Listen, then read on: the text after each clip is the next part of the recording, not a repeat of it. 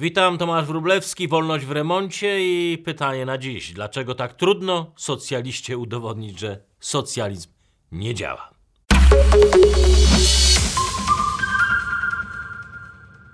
Karl Marx w swoim epokowym dziele Kapitał postulował abolicję prywatnej własności. Nazwał to socjalizmem naukowym, w przeciwieństwie do utopijnego, który spalił wcześniej na panewce, zanim jeszcze ktoś go wypróbował. Naukowy miał być tym właściwym socjalizmem. Kiedy naukowy okazał się katastrofą, Lenin ze Stalinem stworzyli swój socjalizm rewolucyjny, ten właściwy znowu. Obok fabryk przejęli aparat opresji, który miał wykańczać tych, którzy w socjalizm nie wierzyli. Poległy miliony, a ludziom dalej głód w oczy zaglądał. I wtedy nowi socjaliści nazwali to wypaczeniami socjalizmu. Hitler próbował od drugiej strony. Zamiast robotniczej dyktatury zaproponował narodową i nazwał swój ruch narodowym socjalizmem. Nazwa inna, ale efekt oczywiście był podobny. Miliony wymordowanych, bo tym razem naród był nie ten. Był jeszcze chiński, kubański i całkiem świeże modele socjalizmu, wenezuelski czy ten rasistowski socjalizm teraz w Afryce Południowej z proponowanym zapisem konstytucji, że biali nie mogą posiadać ziemi. Oczywiście nie wszystkie socjalizmy kończyły się równie tragicznie. Mamy francuski bez ofiar w ludziach, ale z masakrycznym na przykład bezrobociem wśród młodych i potężnym zadłużeniem państwa. Każdy socjalizm wcześniej czy później jednak ponosi klęskę i po każdej klęsce pojawia się jakaś nowa socjalistyczna formacja, która mówi: My to już na pewno zaprowadzimy, ale ten prawdziwy socjalizm. Także cierpliwie czekałem na oznaki pierwszej klęski, kiedy polski rząd ogłaszał swoje kolejne eksperymenty z klasycznymi socjalistycznymi rozwiązaniami. Wiedziałem, że objawy nadejdą, choć nie wiedziałem, że aż tak szybko. E, wprowadzone w 2016 roku ograniczenia w obrocie ziemią naprawdę szybko dały o sobie znać. Chyba tak naprawdę zanim jeszcze wolny rynek został szczelnie zatrzaśnięty. Ci przeciwko którym ustawa była pisana, czyli wielkie firmy obracające ziemią, natychmiast wniosły aportem swoje majątki do odrębnych spółek. W ten sposób dalej mogą obracać ziemią, lizować, zastawiać, ale już jako odrębne spółki, których nie obejmuje ustawa. No to już wiemy, kto zyskał, a kto stracił? Jak w klasycznym socjalizmie. Zawsze tracą ci, w których imieniu wprowadza się te antywolnościowe regulacje. Stracili rolnicy, utracili nie tylko zdolność do obracania swoją własnością prywatną, ale też zdolności kredytowe, bo zaraz się okazało, że bank w zastaw nie weźmie ziemi, której potem nie może sprzedać. Traktora też mu nie można było przejąć na poczet długów, bo niby jak miał rolnik uprawiać ziemię, której nie może dalej sprzedać. Banki przestały pożyczać, rolnicy przestali się rozwijać, rolnictwo siadało. I co usłyszeliśmy po dwóch latach od rządu, od wejścia projektu w życie? No nie tak miał ten socjalizm wyglądać. Myśleliśmy, że będzie lepiej. Nowelizacja, y, która została wprowadzona y, w kwietniu, pozwoli teraz bankom na windykację. Skróciła okres przywiązania chłopa do ziemi. Dotychczas musiał 10 lat ją uprawiać, teraz może y, sprzedać po 5 latach. Wszystko pięknie, ale tak czy owak, jak w klasycznym socjalizmie, stworzono mnóstwo dziur w systemie, który z pomocą znajomości, łapówek dalej pozwala na obrót ziemią, ale kosztuje znacznie więcej. I po co to wszystko? No, jak zawsze w socjalizmie, w siłę rosną urzędnicy. Ci, którzy wydają decyzje, pozwolenia, zgadzają się na kupno albo sprzedaż ziemi. Ponieważ traci wolny rynek, no to jak to zwykle zyskuje czarny rynek. Rynku nie pokonasz. To smutne objawienie dla każdego socjalisty, choćby tych wszystkich, którzy na przykład wprowadzali zakaz handlu alkoholem po 22. Teraz ze zdumieniem patrzą, jak rosną wokół nich meliny i pokonny handel nocnym alkoholem. Biznes kwitnie, ale oczywiście nie ten legalny.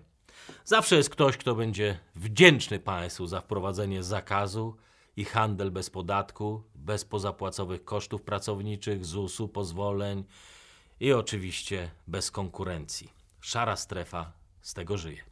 Pamiętacie Państwo ustawę apteka dla aptekarza, co miała rozwiązać problemy rynku aptecznego, miała zahamować proceder wywozu tańszych leków za granicę i zwiększyć liczbę aptek na wsi. No to po 11 miesiącach regulacji już wiemy, że nie ma nowych aptek w rejonach wiejskich, a wreszcie kraju ich ubywa. Ubywa ich mimo, że w okresie przejściowym aptekarze jak szaleni rzucili się na rejestrowanie nowych placówek.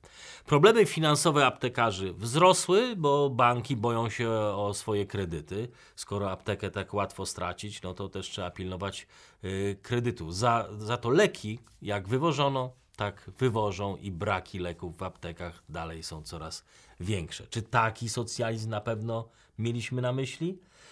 Z fermami futrzarskimi już też wiemy, że nie to mieliśmy na myśli. Ekosocjaliści walczący o prawa norek, wyłudzacze fałszywego współczucia ostatecznie dali za wygraną.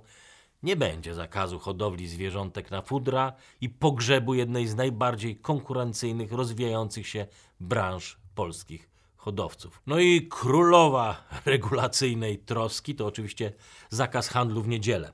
Tam, gdzie miały zyskać małe sklepy, zyskują duże, a małe padają. Z danych Euromonitor International wiemy, że obroty w sklepach spadną w tym roku średnio jakieś ponad 5%, a w małych rodzinnych sklepach, dla których, przypominam, ustawa miała być wprowadzona, jak na socjalistyczne regulacje przystało, spadek jest jeszcze większy 6,3%. To, że małych rodzinnych sklepów mieliśmy coraz mniej, to nic nowego. Proces trwa od lat. Rzecz w tym, że ustawa miała je ponoć ratować. W niedzielę, kiedy zamknięte miały być wielkopowierzchniowe sklepy, te małe miały nadrabiać straty z tygodnia. Szybko okazało się, że sobotnie wyprzedaże w dużych sklepach były tak atrakcyjne, że w niedzielę nikt już do małych sklepów nie chodzi. Ustawodawcy nie przewidzieli, że ludzie mają ograniczoną pojemność żołądka. Jak raz zrobią zakupy, to drugi raz nie pójdą do sklepu, nawet jak ktoś otworzy im go w niedzielę. To, co za każdym razem naprawdę mnie rozbraja w socjalistach, to jak bardzo zaskakuje ich ich własne życie. Albo żołądki okazują się za małe, albo rynek nie chce uwzględnić ich społecznej troski. Tak było na przykład w przypadku wielkiej kontroli cen owoców prowadzonej przez UOKiK. Po sprawdzeniu 1600 placówek handlowych urząd doszedł do wniosku, że porzeczka może mieć tysiąc rozmaitych powodów, dla których cena skupu będzie diametralnie różna od ceny w sklepie. Pamiętacie Państwo sławny wywód Miltona Friedmana o produkcji ołówka? Dlaczego nawet tak prostego produktu jak ołówek nie da się skutecznie zaplanować? Żeby dotarł na czas na biurko urzędnika, tysiące ludzi musi wykonać tysiące rozmaitych działań, przełamując przy tym nieprzewidziane przeciwności losu i wszyscy, to co bardzo ważne, muszą wiedzieć, że mają w tym jakiś osobisty interes. Bez tego w socjalizmie zawsze brakowało i w przyszłości będzie brakowało ołówków. Tak jak bez tego porzeczki nie będzie w sklepach. Urzędnicy nie rozumieją, co powoduje różnice cen, ale już planują na przykład stworzenie państwowego holdingu, co będzie skupował owoce, przewoził, chłodził, przerabiał i wstawiał do półki, oczywiście do własnych państwowych sklepów. Chce się ktoś ze mną założyć, że za rok, za dwa usłyszymy klasyczne nie to mieliśmy na myśli, jak już nigdzie nie będzie porzeczek? Ale wróćmy jeszcze do zakazu handlu w niedzielę, gdzie w niezłe tarapaty wpadły galerie handlowe. 40% sklepów w galeriach to rodzinne przedsięwzięcia, które też nagle zaczęły tracić sporą część zysków. Nawet restauracje czy kwiaciarnie, które mogą być y, otwarte w niedzielę, domagają się od właścicieli galerii obniżenia czynszu, po prostu nie wychodzą na prosto. Na to z kolei nie mogą zgodzić się galerie, bo banki grożą im zerwaniem umów kredytowych. Sprawa za sprawą trafiają do sądu. Jeden wielki mętlik któremu towarzyszą dłuższe godziny pracy w ciągu tygodnia, większa presja na pracowników, na inwestorów, na banki. Wszystko dlatego, że rząd chciał poprawić nam życie. Czy na pewno to miał na myśli? Czy naprawdę tak chciał nam poprawić życie? Lada chwila w życie wchodzi podatek solidarnościowy dla najbogatszych. Nad tym już poznęcałem się we wcześniejszych blogach, sugeruję zerknąć ale zaraz po nim czeka nas wywłaszczenie prywatnego ratownictwa medycznego.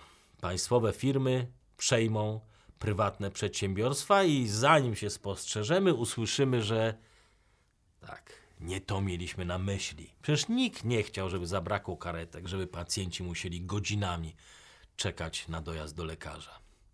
No jak w klasycznej teorii socjalistycznej efektywności Lorenza Rida z Amerykańskiej Fundacji Edukacji Ekonomicznej, kiedy nie będzie już śmietanki do spijania, socjaliści oskarżą krowę o to, że chowa przed nimi mleko. I zaraz pojawią się jacyś nowi socjaliści przekonani, że dopiero oni, my, zaprowadzimy wam najprawdziwszy z prawdziwych socjalizmów.